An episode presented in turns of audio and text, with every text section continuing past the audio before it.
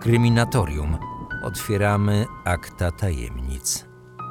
Na kryminatorium wielokrotnie mogliście usłyszeć ten dźwięk. Klimatyczne odgłosy mrocznej i przerażającej burzy. Tym razem nie jest to tylko efekt dźwiękowy. Odgłosy burzy mają związek z omawianą sprawą. 29 sierpnia 1955 roku nad Krakowem szalała burza. Zaczęła się mniej więcej o godzinie 13.20. I to właśnie odgłosy burzy pomogły w dokonaniu makabrycznej zbrodni. To jedna z najbardziej przerażających historii w powojennym Krakowie. Historia, która jest mało znana, ale na pewno Was zainteresuje. Sprawa doktorka z Krakowa podzielona zostanie na trzy odcinki, które będą publikowane w serwisach Spotify, iTunes, jak również innych aplikacjach podcastowych. Jeżeli jednak wolicie posłuchać całości, czyli trzech odcinków połączonych w jeden blisko godzinny materiał, to będzie taka możliwość. Długi odcinek o sprawie pojawi się w serwisie YouTube na kanale Kryminatorium. Wybór należy do Was. Kryminatorium. Otwieramy akta tajemnic. Z odgłosu burzy przenosimy się do pociągu, ponieważ to w tym środku transportu trafiono na znalezisko, które rozpoczęło trwające ponad dwa lata śledztwo. Mamy 30 sierpnia 1955 roku. Upalny, wakacyjny dzień. Do Gdyni dojeżdża pociąg z Krakowa. Stacja końcowa, a więc wszyscy podróżni zabierają swoje bagaże i spokojnie opuszczają przedział. Pociąg pustoszeje i chwilę później skład odstawiony zostaje na bocznicę. Jednak nie wszystkie bagaże zostały zabrane. W jednym z przedziałów, pod siedzeniem, leży tajemniczy pakunek. Na znalezisko trafia sprzątaczka. To ciężki przedmiot. Paczka zawinięta pergaminem i gazetą. Kobieta odpowiedzialna za czystość w wagonie powolnym ruchem odsłania papier. Ten widok wywołuje szok. Ludzka noga w beżowej pończosze. Kończyna została odcięta tuż przed kolanem. Do rany zdążył już przyschnąć przykrywający nogę egzemplarz gazety krakowskiej. Kobieta, która znalazła paczkę z przerażeniem, wybiega z przedziału i informuje o wszystkim kierownika. Mężczyzna na początku nie chce w to uwierzyć. Spokojnie dokończa śniadanie, jednocześnie żartując z przerażonej sprzątaczki. Po chwili jednak zdaje sobie sprawę, że kobieta jest śmiertelnie poważna. Razem pośpiesznie podążają we wskazane miejsce. Na środku przedziału rzeczywiście leży ludzka noga. 20 minut później na miejscu jest już ekipa śledcza. W tym samym przedziale po drugiej stronie pod siedzeniem funkcjonariusze znajdują również drugą, tym razem prawą kończynę. Fragmenty ciała trafiają do zakładu medycyny sądowej w Gdańsku. Specjaliści na początek próbują znaleźć odpowiedź na trzy kluczowe pytania. Jaki jest przypuszczalny wiek ofiary? Kiedy odcięto nogi? Jakiego użyto narzędzia? Śledczy założyli, że ten makabryczny pakunek musiał zostać podrzucony na samym początku trasy, czyli w Krakowie. Skąd takie założenie? Otóż pociągiem podróżowało tego dnia wiele ludzi. Osoba, która podrzuciła pakunek, aby nie zostać zauważona, najprawdopodobniej musiała umieścić paczkę zanim pociąg wyruszył w trasę. Później byłoby to zbyt ryzykowne. Najprawdopodobniej pozostałe fragmenty zwłok znajdują się właśnie w Krakowie. Tym bardziej, że pakunek owinięty był w krakowską prasę. Milicjanci z województwa małopolskiego przystępują do pracy. Sprawdzane są odludne tereny, wysypiska śmieci, a także miejsca, w których potencjalny sprawca zbrodni mógł porzucić pozostałe fragmenty zwłok. Z największą starannością sprawdzany jest teren Podhala. Jedna z odciętych nóg owinięta była w gazetę krakowską, która zawierała kolumnę przeznaczoną właśnie dla czytelników z tego regionu. Była rozprowadzana tylko na Podhalu, dlatego najwięcej uwagi poświęca się na poszukiwania w tym regionie. Przeszukany zostaje prawie każdy metr odsłoniętej przestrzeni. Jednak kilkudniowa praca nie przynosi oczekiwanych rezultatów. Może korpus zanurzony jest w jakimś zbiorniku wodnym, może jest zakopany, a może jest w zupełnie innej części Polski. Zapakowanie fragmentów ciała w tę konkretną gazetę mogło być próbą zmylenia śledczych. Możliwe, że sprawca zrobił to, aby skierować śledztwo na zupełnie inny tor. Taki wariant również wzięto pod uwagę.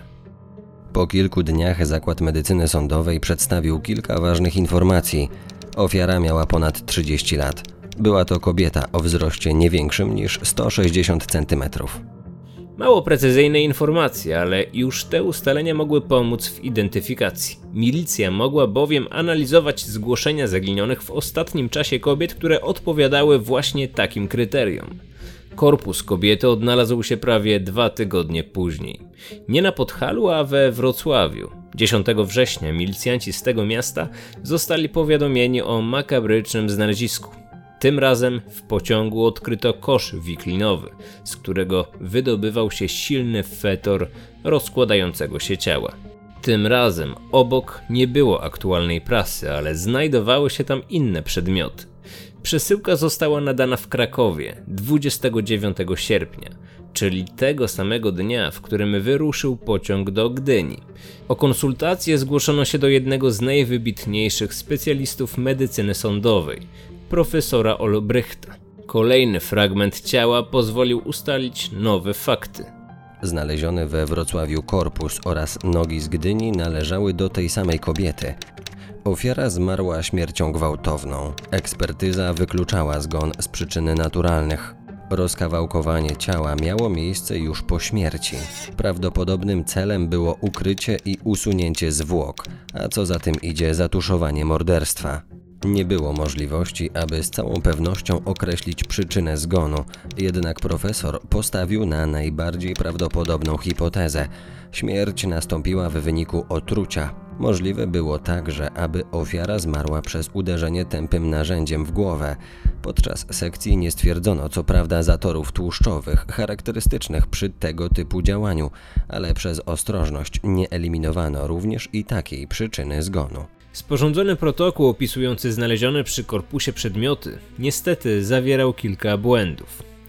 Pominięte zostało nazwisko oficera, który kierował oględzinami. W koszu znajdowały się trzy paski, jednak dokument zawierał informacje tylko o dwóch. To z pozoru błahe niedopatrzenie było problemem dla prokuratora. Niezarejestrowany pasek był jednym z dowodów. Mógł należeć do sprawcy. Tymczasem urzędowo nie było z niego większego pożytku, ponieważ nie został ujęty w spisie znalezionych przy zwłokach przedmiotów.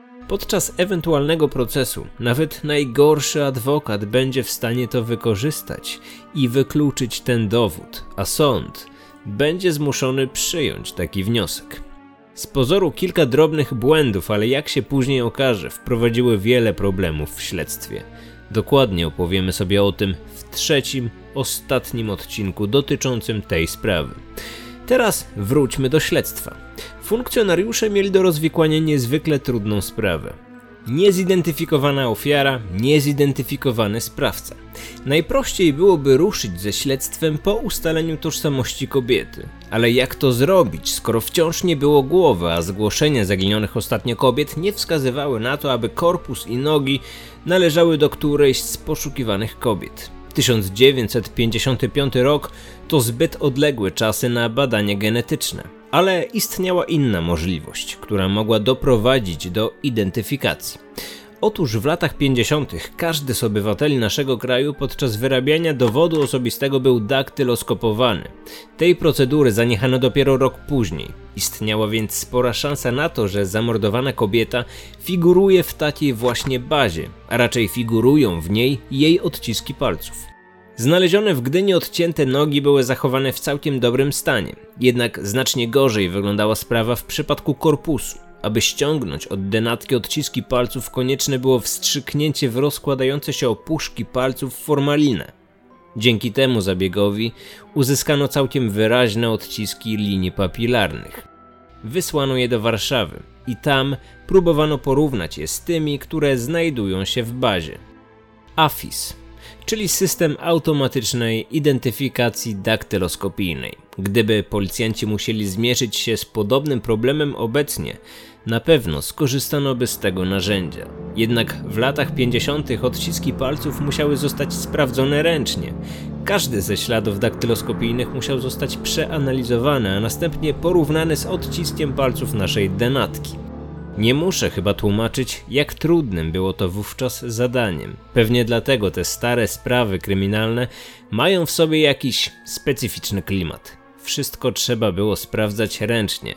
Każdy element śledztwa był znacznie trudniejszy niż obecnie. A pomimo tego wiele trudnych spraw zostało rozwiązanych i winni ponieśli karę. Ale wracając do tematu odcisków. Milicjanci z Warszawy spokojnie sprawdzali kolejne kobiety, a inni funkcjonariusze na bieżąco analizowali zgłoszone zaginięcia kobiet.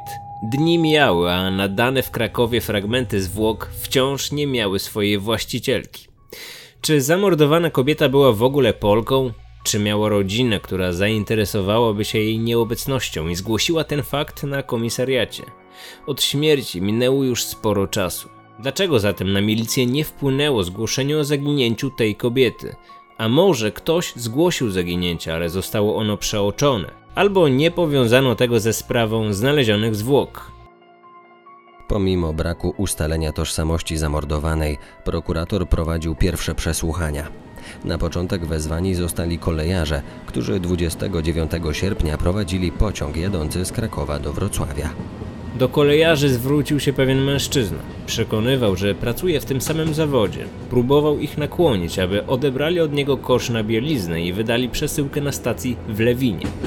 Takie działanie było niezgodne z procedurami, ponieważ pierwotnym miejscem przeznaczenia paczki był Wrocław. Za tę przysługę oferował łapówkę oraz postawienie kolacji. Kolejarze z pociągu numer 3624 nie przystali na te propozycje, ale zapamiętali sytuację, jak również zapamiętali nieznajomego. Wówczas założono, że był to prowokator i szybko zapomniano o całej sprawie. Dopiero po niemal dwóch tygodniach okazało się, jak makabryczne wnętrze skrywał ten tajemniczy kosz na bieliznę. Udało się stworzyć rysopis tego mężczyzny i dwa miesiące później milicja zatrzymała gościa, który do tego rysopisu pasował. Mężczyzna o imieniu Władysław. Był to znany w okolicy pijaczek i złodziejaszek. Na początku nie przyznawał się do próby nadania przesyłki. Twierdził, że nie mógł tego zrobić, ponieważ tego dnia przebywał w Lewinie Brzeskim, a w Krakowie pojawił się dopiero we wrześniu. Kosza nie mogliście przenieść sami. Nie dałbyś rady go udźwignąć. Ktoś musiał ci w tym pomóc. Mężczyzna jednak uparcie do niczego się nie przyznawał, a jego alibi również nie zostało potwierdzone. Jednak inny pijaczek z regionu, Henryk, uzupełnił wypowiedź kolegi. Staliśmy wtedy przed dworcem. Podjechała taksówka, z której wysiadła jakaś kobieta. Poprosiła, żeby pomóc jej przenieść ten kosz i nadać bagaż. Zaoferowała 50 złotych. Była siwa, starsza, niskiego wzrostu. Rysopis tajemniczej kobiety co chwilę się zmieniał. Raz Henryk opowiadał o blondynce, innym razem o brunetce, a jeszcze innym o staruszce w siwych włosach. Z każdą godziną przesłuchania relacja tego mężczyzny stawała się coraz mniej wiarygodna. Śledczy nie mieli jednak żadnego punktu zaczepienia. Trzeba było łapać się tego, co jest. Nie udało się potwierdzić, aby dwóch kumpli spod dworca miało jakikolwiek związek z nadaniem tej paczki lub zabójstwem. Mężczyźni zostali wypuszczeni, ale milicjanci dostali zadanie, aby mieć ich na oku. Mamy 23 maja 1956 roku, czyli ponad 9 miesięcy od znalezienia makabrycznej paczki w pociągu. W tym czasie niestety zbyt wiele nie ustalono i śledztwo zostało umorzone. Na pewno do sprawy wiele mogłoby wnieść ustalenie tożsamości tej kobiety. Milicjanci regularnie sprawdzali kolejne zgłoszenia zaginionych osób. Nie analizowano już całych spraw, sprawdzano tylko odciski palców zaginionych kobiet oraz porównywano je ze śladami daktyloskopijnymi kobiety, która została zamordowana. Jednak kolejne miesiące nie przynoszą przełomu. Na niewiele zdaje się również obserwacja pijaczków spod dworca. W momencie, gdy powoli zapominano o tej strasznej zbrodni, na komendę w Krakowie zgłosiła się starsza kobieta. Zapytała, czy milicjanci wiedzą coś może na temat jej sąsiadki, Marianny Gałuszkowej. półtora roku wcześniej miała ona wyjechać do sanatorium i ślad po niej zaginął.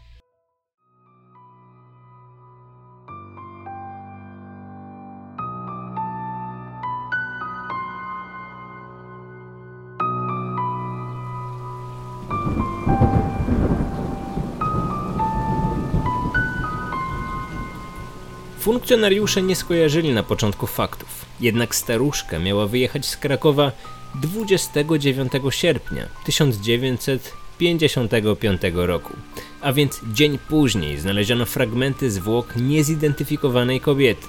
Okazało się również, że zgłoszenie zaginięcia od dłuższego czasu figurowało w bazie. Milicjanci musieli to przeoczyć i nie powiązano Gałuszkowej ze znalezionymi w pociągu zwłokami. Nareszcie pojawia się szansa na przełom w tej sprawie. Podekscytowany milicjant kontaktuje się z prokuratorem, który prowadził śledztwo. Nazwisko zaginionej zostaje sprawdzone. Ta kobieta miała wyrobiony dowód osobisty, a więc w bazie znajdowały się odciski jej palców. Porównano je ze śladami, które pobrano w zakładzie medycyny sądowej od zamordowanej kobiety. Bingo, rozkawałkowane zwłoki należą do mieszkanki Krakowa, Marii Gałuszkowej. Teraz śledztwo może przebiegać zupełnie inaczej. Nie trzeba będzie już błądzić po omacku. Zazwyczaj za dokonanie zbrodni odpowiada osoba z najbliższego otoczenia.